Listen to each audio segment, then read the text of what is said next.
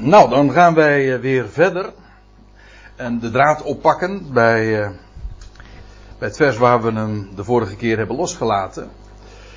En ik stel voor dat we eerst nog eens eventjes terug zullen blikken. En ik zou een samenvatting kunnen geven, maar wat ik ook kan doen is, en dat, nu gaat dat nog, om gewoon het hele gedeelte, het hele Lucas-evangelie te lezen, dat we tot dusver hebben behandeld. En dat zijn nog maar vier, vijf versen geweest, dus dat is goed te doen, ja. Als we eenmaal in hoofdstuk 24 zijn aangekomen en nog veel eerder, dan, uh, dan doen we dat niet meer. Trouwens, wist u dat Lucas 1 het allerlangste hoofdstuk van de, nou niet van de Bijbel, maar wel van het Nieuwe Testament is? Ja, maar ik wist, ik zei het met een slag om de arm, ik wist niet zeker, maar ik heb het nog even nagekeken. En inderdaad, het zijn in totaal 80 versen. En daarmee dus uh, de kampioen onder de, de hoofdstukken in het Nieuwe Testament. Alleen in het Oude Testament vinden we nog wel langere hoofdstukken. Niet dat ik er trouwens al te veel waarde aan hecht, omdat ja, die hoofdstukindeling die is uiteindelijk van veel later datum. Dat is niet iets wat Lucas zelf heeft gedaan. Dat is voor de handigheid later toegevoegd. En nou ja, dat is wel inderdaad zo praktisch om zo met, uh, om te verwijzen naar een passage in een boek. Voordat we, zoals gezegd, dat verder gaan in vers 5 of 6, stel ik voor dat we nog eventjes lezen. En voor degenen die dat nog niet weten, ik heb hier een, een, een, vertaling die gebaseerd is op de interlineair. Ik zal het straks ook eventjes laten zien. En dat betekent dat het een nogal letterlijke weergave is van de, de tekst. Ja, we doen bijbelstudie, dus je wil weten van, ja, hoe staat het er nou precies? En dus de weergave wijkt soms wat af van de MBG of de Statenvertaling. Straks zal ik ook de interlineair, die ik er in principe altijd ook onder doe. En dan zie je ook inderdaad dat, ja, dan zie je de bovenste regel, de Griekse grondtekst, zoals Paulus, Paulus, of in dit geval Lucas dat heeft genoteerd. Daaronder de meest letterlijke weergave. En daaronder, zoals de, in dit geval dan de MBG-vertalers dat hebben weergegeven. En als, en als dat echt van elkaar verschilt, nou dan verdient dat natuurlijk toelichting. En ja, nou ja, daarom doe je ook met elkaar Bijbelstudie niet maar. Aangezien velen, zo begint Lucas zijn eerste boek. Aangezien velen een poging ondernamen om een verhaal op te stellen omtrent de zaken die onder ons ten volle verzekerd zijn zoals aan ons overleverde, die van begin af aan ooggetuigen en dienaren van het woord werden. Schijnt het ook goed aan mij, na alles van meet aan, nauwkeurig terzijde gevolgd te hebben, dit vervolgens aan u te schrijven, hoogedele Theophilus. Opdat u de woorden, omtrent de woorden waarmee u werd onderricht, de zekerheid zou beseffen. Of eigenlijk de onwankelbaarheid. Dat is het woord wat uh, Lucas eigenlijk gebruikt. En daarmee, met vers 4, hebben we dus feitelijk de echte doelstelling van Lucas' boek. Er waren er velen evangeliebeschrijvingen tussen aanhalingstekens in omloop. Dat is wat hij eigenlijk zegt. Maar hij zegt, ik heb het allemaal nog eens een keertje heel ondanks het feit dat ik zelf niet tot de ooggetuigen behoor, heb ik het allemaal van meet af aan, en dat betekent niet alleen maar uh, het onderzoek van, vanaf het begin, maar ook letterlijk dat hij uh, helemaal teruggaat naar de, ja, de oudste geschiedenis, in dit geval zelfs naar, naar de geschiedenis de, van de geboorteaankondiging van Johannes de Doper, later ook van, van uh, de aankondiging aan Maria en, enzovoorts. Kortom, hij is de ooggetuigen gaan raadplegen, gaan interviewen en hij heeft zo zijn, ja, zijn boek opgezet en alle gegevens, alle data verzameld, ingedeeld. Nou ja, daar komt wat bij kijken hoor, om zo'n historisch werk dan op te stellen. En dat heeft hij inderdaad ook met grote nauwkeurigheid dus gedaan. En dat heeft hij allemaal opgedragen aan een meneer die we verder niet kennen. Maar hij heeft wel een hele mooie naam. Dat hebben we ook de vorige keer gememoreerd. Theophilus. En dat betekent letterlijk eigenlijk een liefhebber of, ja, van God. En dat was een zeer hoog geplaatste man. Want uh, dat was de titelaanduiding bijvoorbeeld van stadhouders. Nou, dan ben je toch niet de, hoor je niet tot de eerste de beste, zal ik maar zeggen. En dan vervolgt hij, en dat dit vers hebben we ook nog met elkaar besproken. En dit is de eigenlijke aanvang van zijn boek. Dat wil zeggen, hier begint zijn historisch, hè, geschiedkundig relaas. Want die eerste vier versen waren nog alleen maar ja, de inleiding, de introductie, het voorwoord zeg maar. En hier begint dan zijn boek. En dat geschieden, dat is een belangrijk woord, want het is allemaal geschiedenis. Gewoon historisch genoteerd. Ooggetuigen, bonnetjes erbij, dan en dan was het. Nou ja, en daar was het. Het geschiedde in de dagen van Herodes. Dat is de Herodes, dat wil zeggen de, de Herodes met de grote. De eerste, bekende. Ook de, de, eh, de, beruchte Herodes trouwens, van de kindermoord in Bethlehem.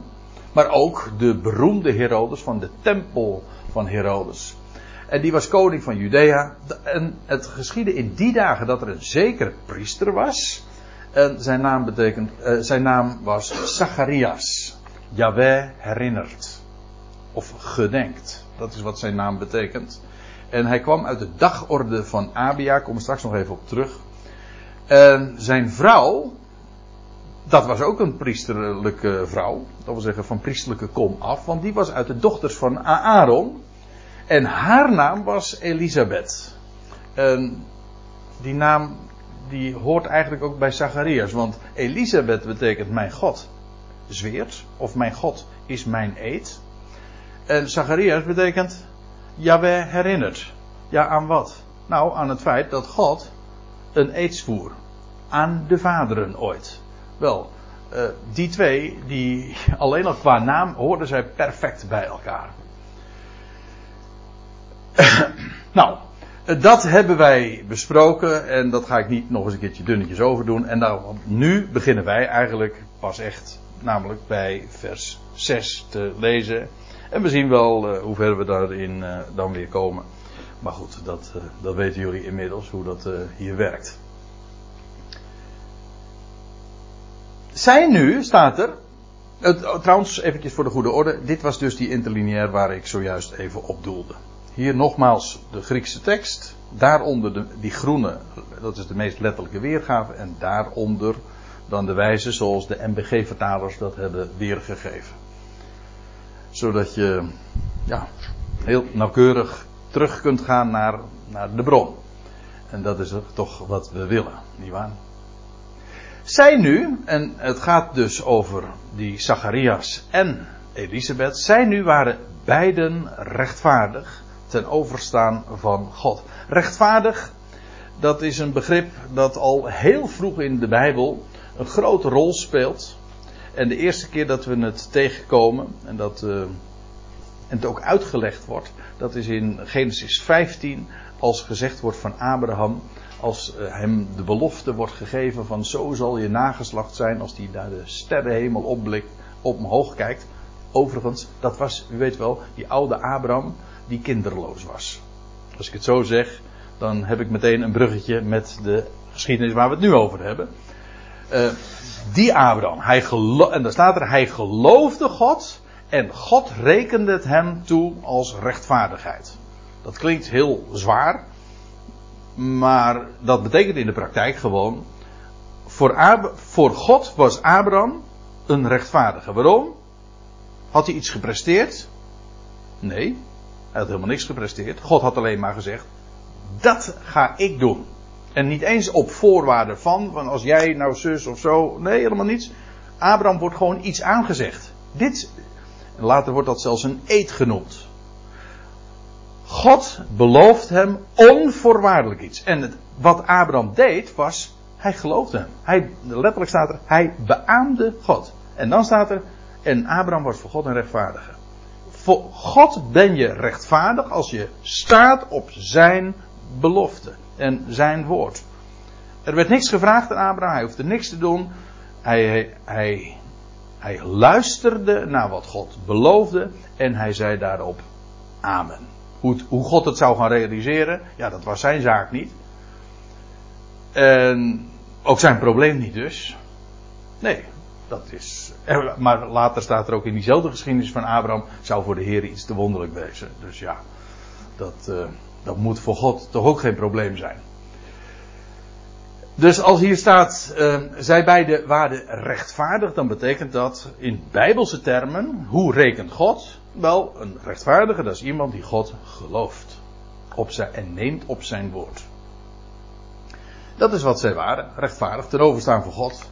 Uh, zij waren bovendien, ze waren natuurlijk Israëlieten, Levieten, nou ja, meer specifiek uit de stam van, uit, ja, de stam van Levi, maar ook uit de stam van, beide uit de stam van Aaron.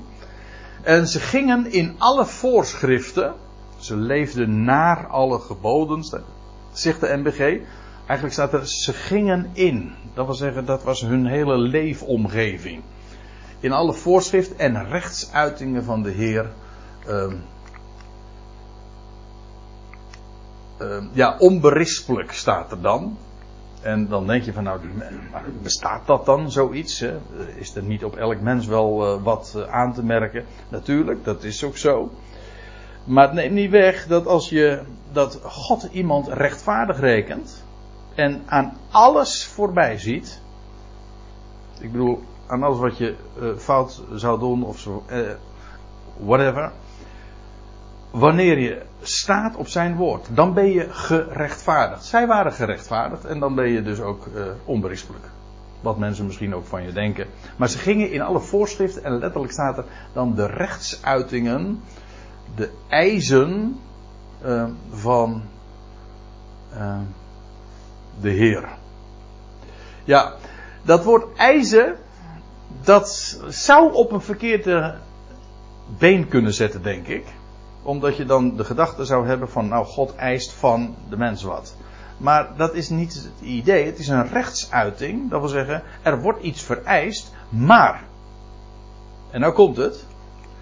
De eisen liggen niet bij de mens, maar, eh, hoe vreemd het ook mogen klinken, maar bij God zelf. En als ik zeg eh, dat God, daar hadden we het al over, eh, een rechtvaardige, dat is iemand die God Gods belofte gelooft, dan begrijp je eigenlijk ook meteen, ja, die eisen liggen bij God zelf. God, op het moment dat Hij een belofte doet, of nog sterker, zelfs een eedswering doet, dat wil zeggen, Hij bekrachtigt zijn belofte door, ja, door bij de hoogste te zweren, in feite bij Hem dus bij zichzelf. Dan is God verplicht en vereist om dat te vervullen. Wij zeggen dat ook. Belofte maakt schuld. God is schuldig op het moment dat hij belooft. Namelijk, hij is schuldig om dat dan ook te doen. Hij verplicht zichzelf dan om dat te vervullen. En dat is een geweldige gedachte. Die rechtsuitingen, de eisen van de Heer. Ik heb op zich niet zoveel moeite met het woordje eis. Alleen je moet wel realiseren, het is niet dat wat God eist van de mens, maar dat wat God eist van zichzelf. Namelijk het vervullen van wat hij belooft. En je kunt hem houden aan zijn eisen. Dat is trouwens ook denk ik wat er bedoeld wordt ergens. Uh, maar het is een berijmde psalm. Uh, dus ik zeg het even met een slag om de arm. Het is meen ik psalm 81. Corrigeer me als het anders is. Maar dat er staat van opent uw mond eist van mij vrijmoedig. Hoe kun je van God nu iets eisen? Vrijmoedig nog wel, hè? Hoe kun je van God nou iets eisen? Nou, het antwoord is heel simpel. Als God iets beloofd heeft, dan kun je inderdaad Hem vrijmoedig daarop wijzen. En zeggen, ik, ja, ik aarzel het eh, om het op die manier te zeggen. Ik eis van u dat u dat gaat doen. Zulke mensen waren Zacharia en Elisabeth. Ze waren rechtvaardig. Zij wisten namelijk, God houdt zich aan zijn woord. En zij wandelden in al die voorschriften. En ook de hele offerdienst, per slot verrekening, de hele geschiedenis die nu volgt, gaat over een man die de tempel ingaat en bij het altaar is enzovoort. Dat waren allemaal voorschriften. Ja, maar het waren allemaal voorschriften die in zichzelf misschien niet eens direct betekenis hadden of nut, maar ze wezen vooruit. Ook weer, ze wezen vooruit. In feite waren dat ook allemaal weer rituelen die een betekenis hadden doordat ze ja, een belofte in zich droegen. En misschien dan, kijk, je kunt een belofte natuurlijk gewoon rechtstreeks uitspreken. En dan profiteer je, dan voorzeg je, zo gaat het. Maar je kunt een belofte natuurlijk ook uh, illustreren. Gewoon in symbolen, in rituelen. Ik bedoel de hele offerdienst, maar ook de hele indeling van de tabernakel. Al die rituelen die God heeft gegeven, hadden een betekenis en ze waren eigenlijk een plaatje, een demonstratie, of hoe je het ook maar zeggen wil, van wat er zou gaan gebeuren. Nou ja, eh, dat waren dus al die voorschriften die God aan, de Heer eh, aan Israël had gegeven. Rechtsuitingen ook. En daarin wandelden zij. Zij waren ook, trouwens, dat wordt gezegd ook van uh, in dezezelfde hoofdstukken van Lucas, die eerste hoofdstukken. Je leest daar van andere oude mensen. Zag, uh, Anna, die oude profet, vrouw, 84 jaar was ze. Hanna, uit de stam van Naphtali. Azer, neem me die kwaad. Terwijl ik het zei, dacht ik, hé, hey, ik zeg het fout. Maar inderdaad, de stam van Azer. Zij was 84 jaar. En zij, je, uh, dan lees je ook nog van Simeon. Van wie we ook mogen aannemen dat hij oud was. Staat er niet expliciet, maar nou goed. Maar in ieder geval, zij leefde ook, dat staat er ook in de verwachting van de vertroosting van Israël. Zij hadden de verwachting in, dat was niet voor niks hoor, dat het in hun dagen de Messias zou gaan komen. Dat wisten ze. Ja, waarom? Dat was gewoon voorzegd. Het was niet alleen maar gezegd waar uh, dat zou gebeuren en, en zelfs hoe het zou gebeuren, maar ook wanneer het zou gebeuren. Toen in die dagen was de verwachting heel levend. Tenminste bij een deel van degenen die geloofden. En dus, ja, God op zijn woord namen. En uh, leefde bij de schriften. God had gesproken, dus het, uh, op de een of andere wijze zou God dat ook realiseren. En zij gingen in dat woord. Zo hun leven. En dan heb je goed leven hoor. Want dan, uh, dan kun je helemaal, heb je rust. Want je weet, God maakt zijn woord altijd waar. En bij hem kom je nooit bedrogen uit. Ja. Die echt rechtsuitingen zijn dus de dingen waartoe God zichzelf verplicht heeft. En staat er dan, zij waren kinderloos. En dan staat er nog bij, omdat Elisabeth onvruchtbaar was. Ja, nou ja, daar, kunnen we, daar kennen we er nogal wat van hoor, in de Bijbel. Ik geef hier zomaar even een naam, een aantal namen, maar ik zet er meteen bij, et cetera. Want het lijkt wel, nou, dat is overdreven als ik het zo zeg, maar het lijkt wel haar standaard in de Bijbel. Als je de dames tegenkomt, zeker vaak ook al op hoge leeftijd, dat ze onvruchtbaar waren. Kinderloos. Dit herinnert trouwens ook meteen weer aan de geschiedenis van Sarah natuurlijk. Vooral. En maar ook Rebecca. En als we dan, eigenlijk, je gaat iedere keer een generatie. Dit was de generatie van Abraham, dit was de generatie van Isaac, Rebecca, die aanvankelijk ook onvruchtbaar was. De eerste twintig jaren van hun huwelijk. En dan kreeg je de geschiedenis van Rachel, dat is weer een generatie later, namelijk in de dagen van Jacob. En dus iedere keer in de dagen van de aartsvader. Abraham, Isaac en Jacob waren in, eh, in die gevallen de vrouwen uh, ja, kinderloos of, uh, en ze waren onvruchtbaar. Dat wil zeggen, niet in staat voort te brengen, om welke reden dan ook. Maar eigenlijk zit daar trouwens tevens al een, een hint in. Als Lucas dat zo schrijft, dan weet je van, aha, als dit zo genoteerd wordt, ja, dan gaat er wat gebeuren. Dat, als je de Bijbelse geschiedenis kent, dan weet je van, aha, dat, is, uh, dat klinkt eigenlijk, hoe vreemd ook, uh, veelbelovend. Want ja, wie, uh, hoe kennen wij God? Als de levende God. En wat betekent dat hij de levende God is? Nou, dat betekent in de eerste plaats ook dat hij leven verwekt. Dat hij sterker is dan de dood. En hier praten we over mensen die, ja, dat is Bijbels taalgebruik. Als je onvruchtbaar bent, dan ben je verstorven. Dat wil zeggen, niet in staat. Eigenlijk, ja, je bent, ja, het klinkt een beetje vreemd, maar een lijk. In die zin dat je niet in staat bent leven voor te brengen. En van Abraham lees je dat, van Sarah, ze waren verstorven. En wat God doet, God? Nou, hij brengt leven uit, voort uit de dood. Dat is ook wat hem tot levende God maakt. Dat deed hij dus in het geval van Sarah, van Rebecca, van Rachel, van de vrouw van Manoah, van wie we de naam dus niet kennen. U weet wel, Simpsons moeder was dat. En van Hanna, dat was Samuels moeder. En zo uh, nog een heel aantal andere dames meer. Hij brengt, God brengt leven voort uit de dood. En eigenlijk, als ik het zo zeg, is dat feitelijk een samenvatting van het evangelie. Ja, want het evangelie is toch niks anders dan de boodschap dat God in en door en via Jezus Christus de dood heeft overwonnen. Sterker is dan de dood en leven aan het licht brengt.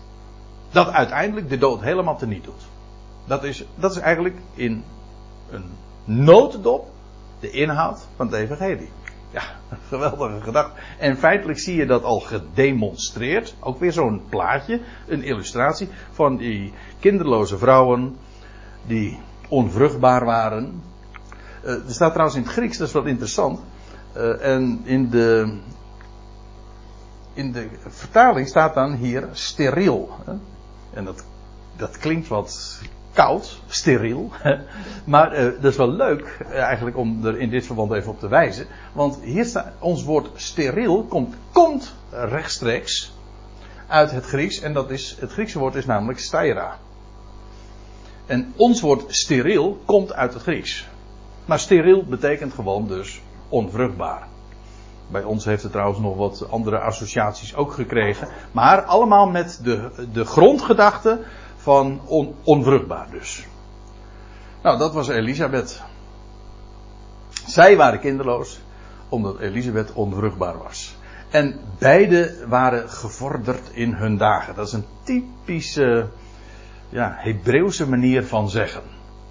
Bij, nou ja, ik zeg typisch Hebreeuws. Eigenlijk bij ons ook wel een beetje natuurlijk. Want wij zeggen ook oude vandaag. dan ben je gevorderd in je dagen. Je bent dan een hand op streek, zeg maar, in je leven.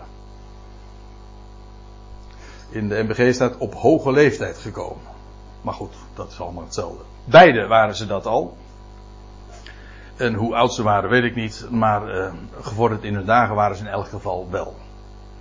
En eigenlijk, zeker als het gaat om Elisabeth, is, zit daar ook de gedachte. Ze was over haar, voor zover ze, nee, ze was al geen niet vruchtbaar, maar uh, voorbij de, de tijd dat het naar haar, hoe staat het er altijd? Dat het haar niet meer, ja, het ging haar niet meer naar de wijze der vrouwen. Dat wil zeggen, ze menstrueerde niet meer. Nou ja, dat was Elisabeth dus.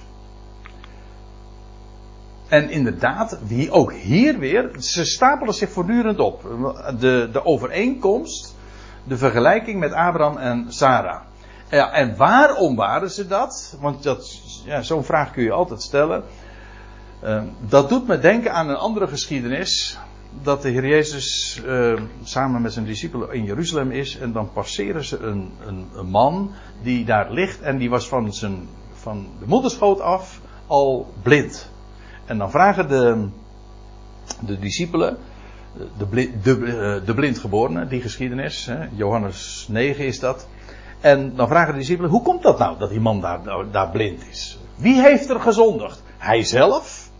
Wat een vrij absurde gedachte is natuurlijk. Want ja, als je vanaf je geboorte uh, blind bent, hoe, hoe zou jij daar zelf verantwoordelijk voor kunnen zijn? Maar goed.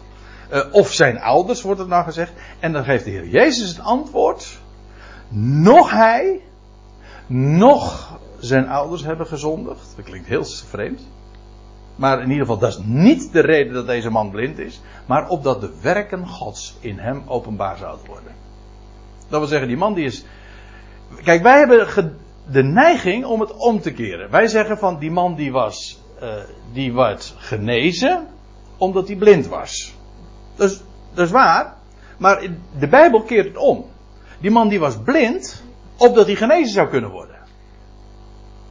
En als je eenmaal met die bril ook tegen het kwaad en het lijden, de moeite in de wereld aangekijken, dan krijg je ineens een, geweldig perspectief. Want dat betekent namelijk dat, dat al het lijden uh, uh, de donkere achtergrond is die God nodig heeft of wil gebruiken.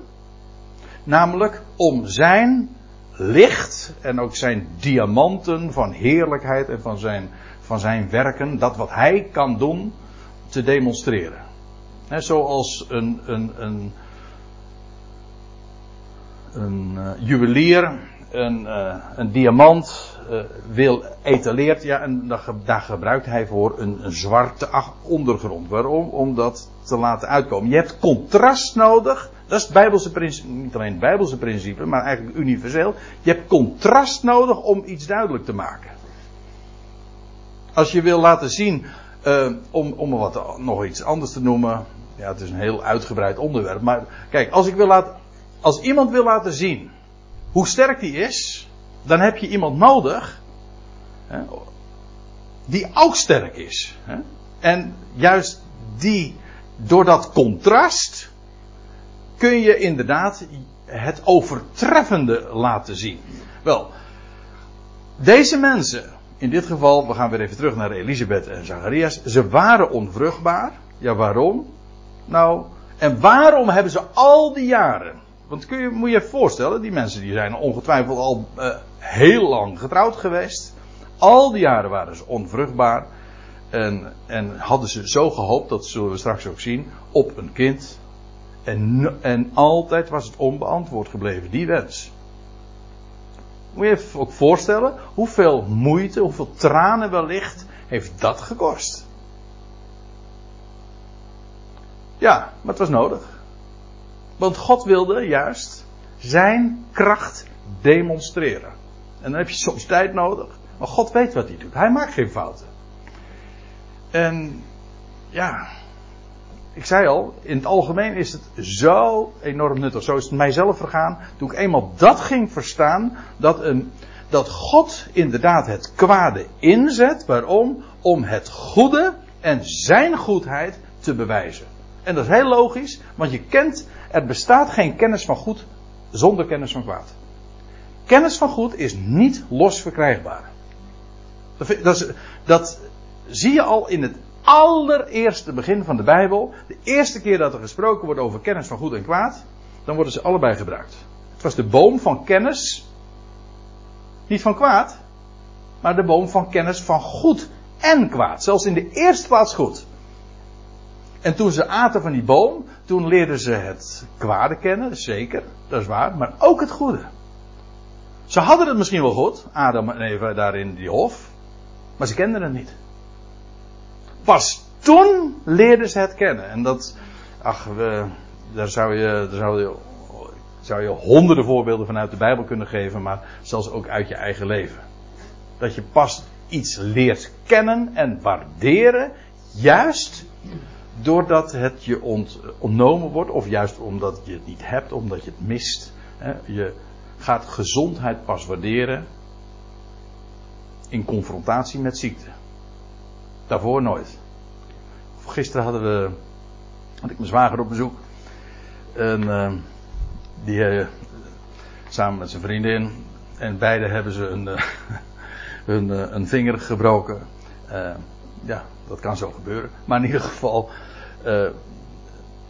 ze zeiden in nooit ge, gerealiseerd hoeveel je je handen nodig hebt. Ja, dit is een heel onschuldig voorbeeld natuurlijk. Maar je gaat je pas bewust worden van de waarde van iets op het moment dat je het niet meer hebt. En dat je het moet missen. Of dat je een andere het mist, ineens dat je ervan bewust wordt. Nou ja, dat is een hele uiteenzetting. Maar wat ik er gewoon mee bedoel te zeggen is: deze, mannen, deze mensen waren, ze waren al oud een heel leven achter de rug. en ze waren er smartelijk achter gekomen dat ze onvruchtbaar waren. Jawel, maar God had het allemaal nodig als achtergrond voor zijn werken. En daar gaat het maar om. Het geschiedde nu, vers 8. dat uh, het verschil nu toen hij zijn priest, hij, dus uh, Zacharias dus, zijn priesterdienst verrichtte in de ordening van zijn dagorde. Ik heb er al even op bij stilgestaan de vorige keer, want hij kwam namelijk uit de ordening van Abia. En dat was, uh, je hebt 24 priesterordeningen, priesterorden. En hij kwam uit de priesterorde van Abia. En dat, als je dat uh, naleest in 1 Kronieken 24 vers 10, dan lees je dat dat de achtste was. De achtste dagorde. En ja. In feite zie je, zie je zelfs hierin alweer, als je goed luistert, een, een verwijzing naar weer een andere belofte, namelijk naar de achtste dag. Dit is de achtste dagorde. er was een, bij toerbeurten, en dat werd op een bepaalde manier geregeld, ik kom er straks nog even op terug, uh, dat uh, priesters uh, hun werk verrichten daar in de tempel. Jawel, maar die deze Zacharia kwam uit de orde van Abia, dat was de achtste dagorde. De achtste dagorde. De achtste dag. Orde. Maar de achtste dag, wie dat met Hebreeuwse oren beluistert, die hoort meteen van, hé, hey, de achtste dag. Ja, die hoort van alles trouwens hoor. Want, hé. Hey, nou ineens zit ik eh, me af te vragen, welke dag is het vandaag op de Hebreeuwse kalender? Ik zou het zo even na kunnen kijken. Maar is Loofhuttenfeest inmiddels voorbij? Ja, het was... Dan zou het vandaag wel eens de achtste dag kunnen zijn. Want het Loofhuttenfeest, het Sukkot, dat duurt zeven dagen. En daarna krijg je de achtste dag. En dat is, de, dat is uh, Simchat Torah. Dat is, dat is, de achtste dag. Dat is, de, dat is eigenlijk. Ja, je hebt zeven dagen, dat is een volheid. En de acht, dat is eigenlijk weer een, een nieuw begin. Een nieuwe reeks. Acht heeft altijd te maken met nieuw leven. Dat wil zeggen, uh, je hebt een volheid. En dan, dan volgt weer een nieuwe reeks. Zoals je na zeven dagen krijg je de achtste dag. Maar dat is weer de, die achtste dag is de eerste.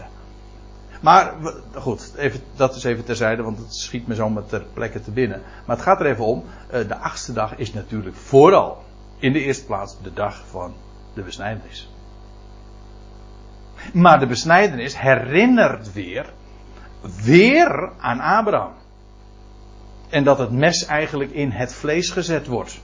En dat de mens niet in staat is om voor te brengen, vandaar in het mannelijk geslachtsdeel.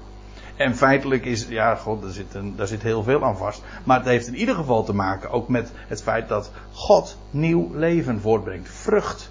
In feite, en dat ik zeg het maar eventjes uh, ja, cryptisch. Maar het komt erop neer wat bij de besnijdenis is gebeurd. De achtste dag.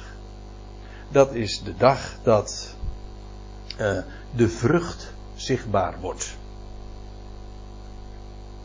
Zal ik het nog anders zeggen? De vrucht wordt zichtbaar gemaakt. Wij zeggen altijd, de voorhuid wordt weggenomen bij de besnijdenis. Dus zeg je het negatief. Hè? Iets wat weggenomen wordt. Maar wat je feitelijk gebeurt, als je het positief zegt, door de voorhuid weg te nemen, wordt de vrucht van de eik, ja ik bedoel de eikel, zichtbaar. Maar de vrucht wordt zichtbaar. En Dat is, god, het wordt wel heel diep, eh, maar de, als ik zeg, de vrucht van de eik wordt zichtbaar gemaakt bij de besnijdenis, maar nou nog wat. Want het Hebreeuwse woord voor eik, dat is hetzelfde woord als het woord voor eet. God zwoer Abraham een eed en hij gaf het teken van de besnijdenis. Ons ontgaat die link. Wat heeft dat met elkaar te maken? Nou, met Hebreeuwse oren, dat wil zeggen met de taal van God, ligt, is daar een directe verbinding, want God zwoer een eed. En vervolgens gaf hij het teken van de besnijdenis, dat wil zeggen de vrucht van de eik, moest worden zichtbaar gemaakt. Het woord eik, dat is het woordje alon, elon. Elon, dat is het woord voor eik, maar dat is ook het woord voor eet. Hetzelfde woord. Dus wie eet hoort, hoort eik. Wie eik hoort, hoort eet. Dus Vandaar ook dat je bij Abraham, en trouwens bij de aartsvaders in het algemeen, waar gingen ze iedere keer bivakeren? God had zich geopenbaard en, en Abraham ging, ging wonen bij de eikenbossen, hè, bij de eik van Mamre, bij de eik van More, bij de eik, nou iedere keer. Die eik heeft een enorme betekenis in de Bijbel. Wij denken van, oh, dat is aardig. Hè? Ja, goh, je moet toch ergens wonen. En dan ging je onder de mooie, onder de schaduw van zo'n grote boom. Ja, er zit veel meer aan vast. Zo'n eik herinnert de, de aartsvaders, die Hebreeën in het algemeen, aan Gods belofte. De eikenbomen, staat er ergens in de Jezaja, van gerechtigheid. God doet recht aan zijn woord. Dat wil zeggen, hij vervult dat wat hij gezworen heeft. Dat is de eikenboom. En dat heeft dus ook alles weer te maken met het teken van de besnijdenis. En dat heeft dan ook weer alles te maken met de achtste dag. Want uiteindelijk is de dag de dag waarin God nieuw leven voortbracht. De dag in de hele wereldgeschiedenis. Dat is toch de dag geweest ooit na de Sabbat. Toen de steen werd weggerold. En de Heer Jezus Christus opstond uit de doden. Dat is de dag. Ja, dat was, wij zeggen dan, het was de eerste dag. De dag na de Sabbat. Ja. Maar dat was dus de achtste dag. Dus het feit dat God dat zo had ingesteld, die achtste dag, eh, dat is, ook daarin zie je dus feitelijk weer, in, in een rite, in een ritueel, in zo'n voorschrift, zie je gedemonstreerd dat wat God belooft. Namelijk nieuw leven uit de dood. Verstorven mensen, God brengt daar nieuw leven uit voort. En het teken dat daarvan gegeven werd, was de besnijdenis. Je ziet, of je hoort, daar zit heel veel aan vast hoor. En wij zijn dat soort uh, ja, typologieën allemaal kwijt. Eh, ja, in, in, het algemeen wel. We hebben daar weinig zicht meer op. Op, op het feit dat, dat dingen in de natuur, een, een boom, maar ook zoiets als de seksualiteit, dat daar een sprake van uitgaat. En dat je zelfs de waarheid van de opstanding daarin ziet gedemonstreerd. Dat God door opstanding nieuw leven voortbrengt. Ja, het is een cryptische toespeling op de, de besnijdenis. Ja, dat lijkt me duidelijk.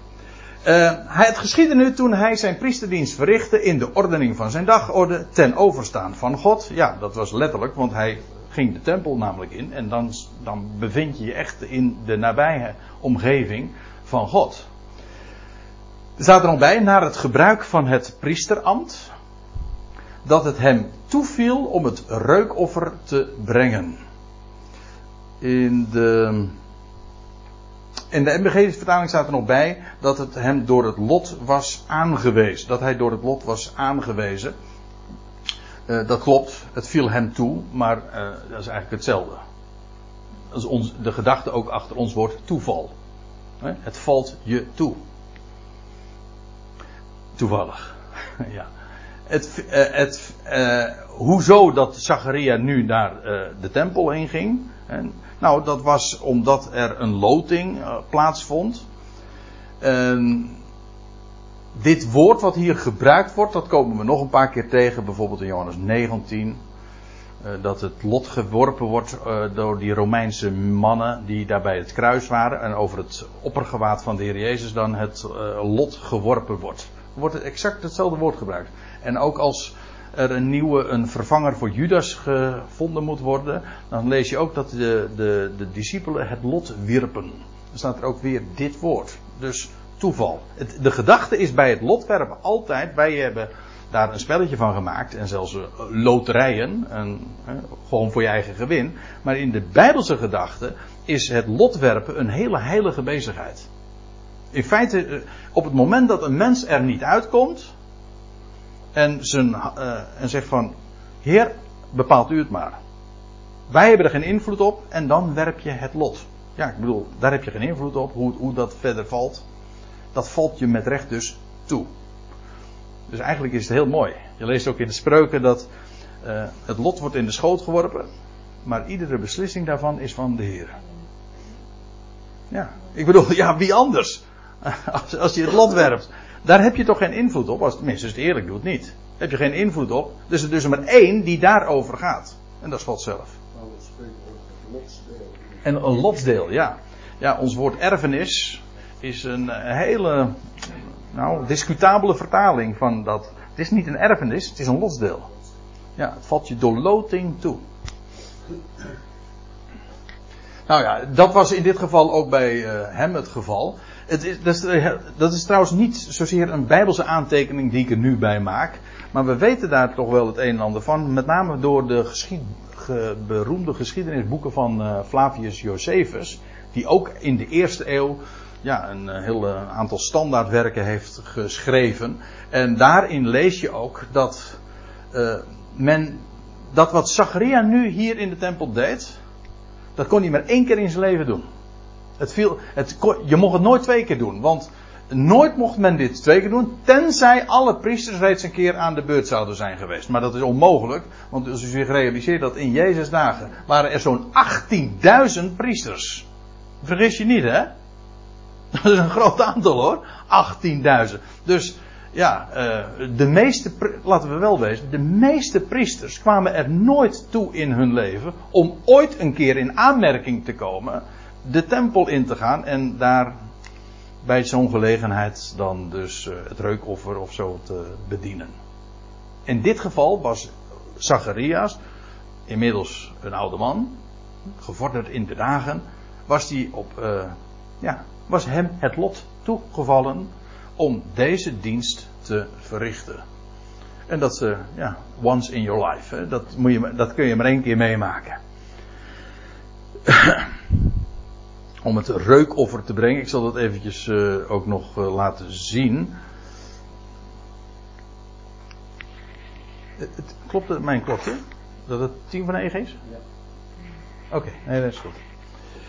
Um, dit is eventjes een, eh, een plattegrond van de. Nou, eigenlijk, dit is meer een plattegrond van de tabernakel. Maar goed, de tempel was eigenlijk niet zo gek veel anders. Qua indeling dan tenminste.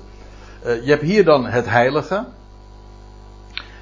Uh, waar alleen maar de priesters mochten komen. Het gewone volk kon daar helemaal niet komen.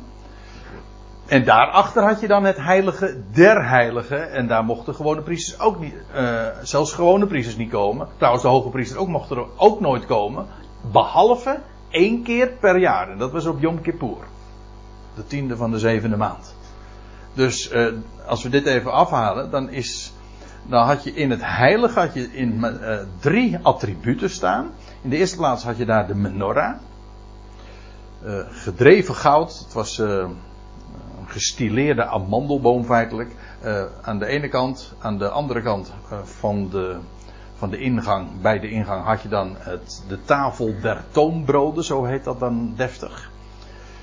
En ja, u begrijpt dat moest bediend worden. Die broden moesten vervangen worden iedere keer. En trouwens, die, die menorah die brandde van olijfolie. Dus die moest ook. Er was voortdurend licht in dat heiligdom. Dus dat moest, en dat was geen, uh, dat was geen kwestie van een schakelaar aandoen. Nee, dat was olijfolie. En die moest iedere keer bijgevuld worden. En die snuiters heet dat geloof ik. Um, en die pitten die moesten dan ja, even verzorgd worden. Kortom, dat was het werk van die priester. En wat er ook gebeurde, twee keer per dag. Uh, dat er reukoffer, reukoffers gebracht werden. En dat is wat je hier dus leest wat Zacharias deed. En hem was het lot toegevallen om het reukoffer te brengen. Dat was hier. Feitelijk was dit nog de, de plaats, dus het dichtste bij het heilige der heiligen. Dat was een, een zeer groot voorrecht voor hem dus om te doen. En hij ging, uh, het was, uh,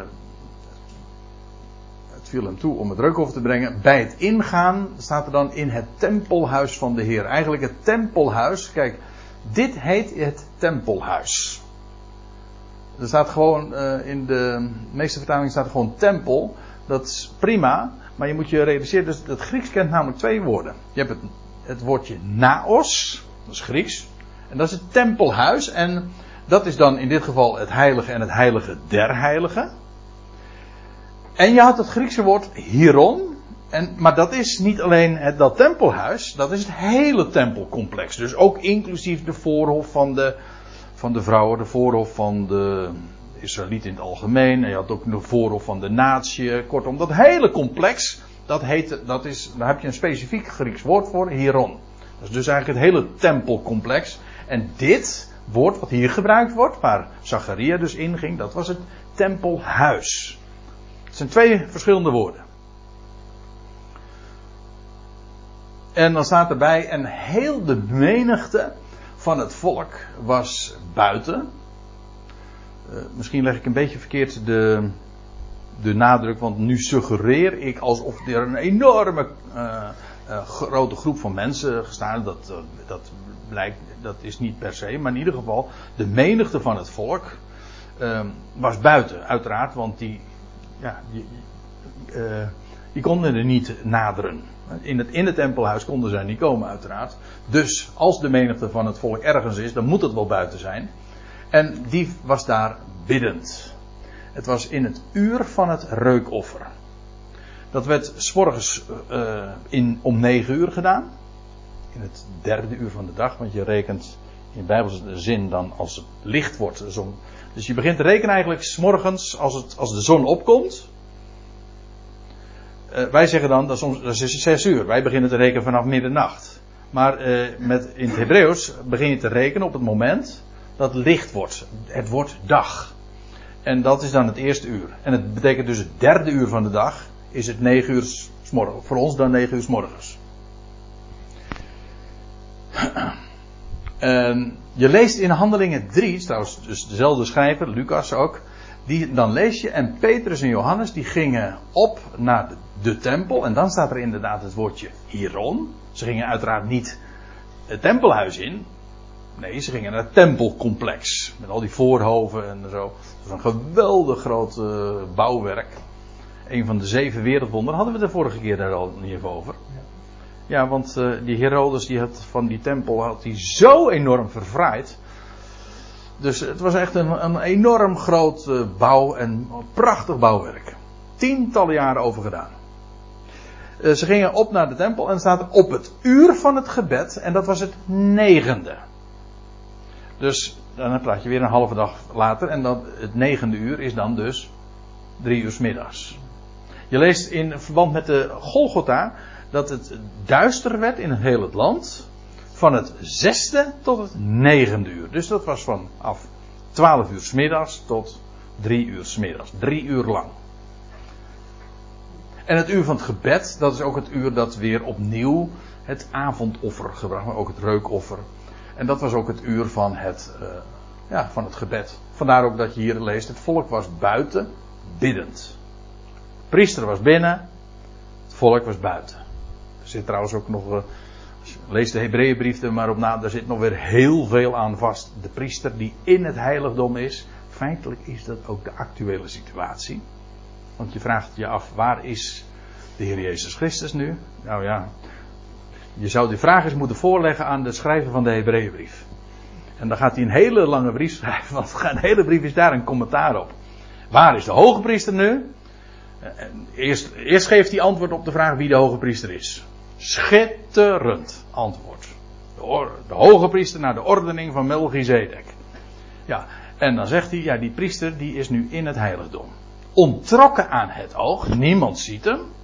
Hij is er wel, maar niemand ziet hem. Nou, dat is vandaag de situatie. Waar is Jezus Christus nu? Ja, nou ja, in het hemels heiligdom, boven. En wat doet hij daar? Nou, heel wat hoor. Nou, maar het onttrekt zich aan het oog in ieder geval. En het wachten is feitelijk, het volk was buiten, biddend, maar het volk, Israël, wachtte tot de hoge priester, uh, ja in dit geval was het niet de hoge priester trouwens hoor, maar was dat de priester naar buiten ging. En feitelijk is dat ook voor, uh, de situatie, eigenlijk van het plaatje van deze hele bedeling zeg maar. Christus is in het heiligdom ingegaan en het volk, ik bedoel nu ook gewoon letterlijk Israël, wacht op hem totdat hij uit het heiligdom zal komen en zijn handen zal uh, spreiden en het volk zal zegenen en ook ze, en dan zullen ze hem zien. Ja. Die zij doorstoken hebben. Dus daar zit, uh, ook daar zit weer uh, enorm veel aan vast, maar daar gaat ook een geweldige sprake van uit. God had dat allemaal zo bepaald hoe dat moest in die priesterdienst, tempeldienst. En, en niets is daarbij zonder uh, betekenis. Nou, dan gebeurt er iets. En ik stel voor dat we dat eventjes uh, over de pauze heen tillen. Dan gaan we straks beginnen in vers 11. Als, uh, als Zacharia daar hem iets overkomt.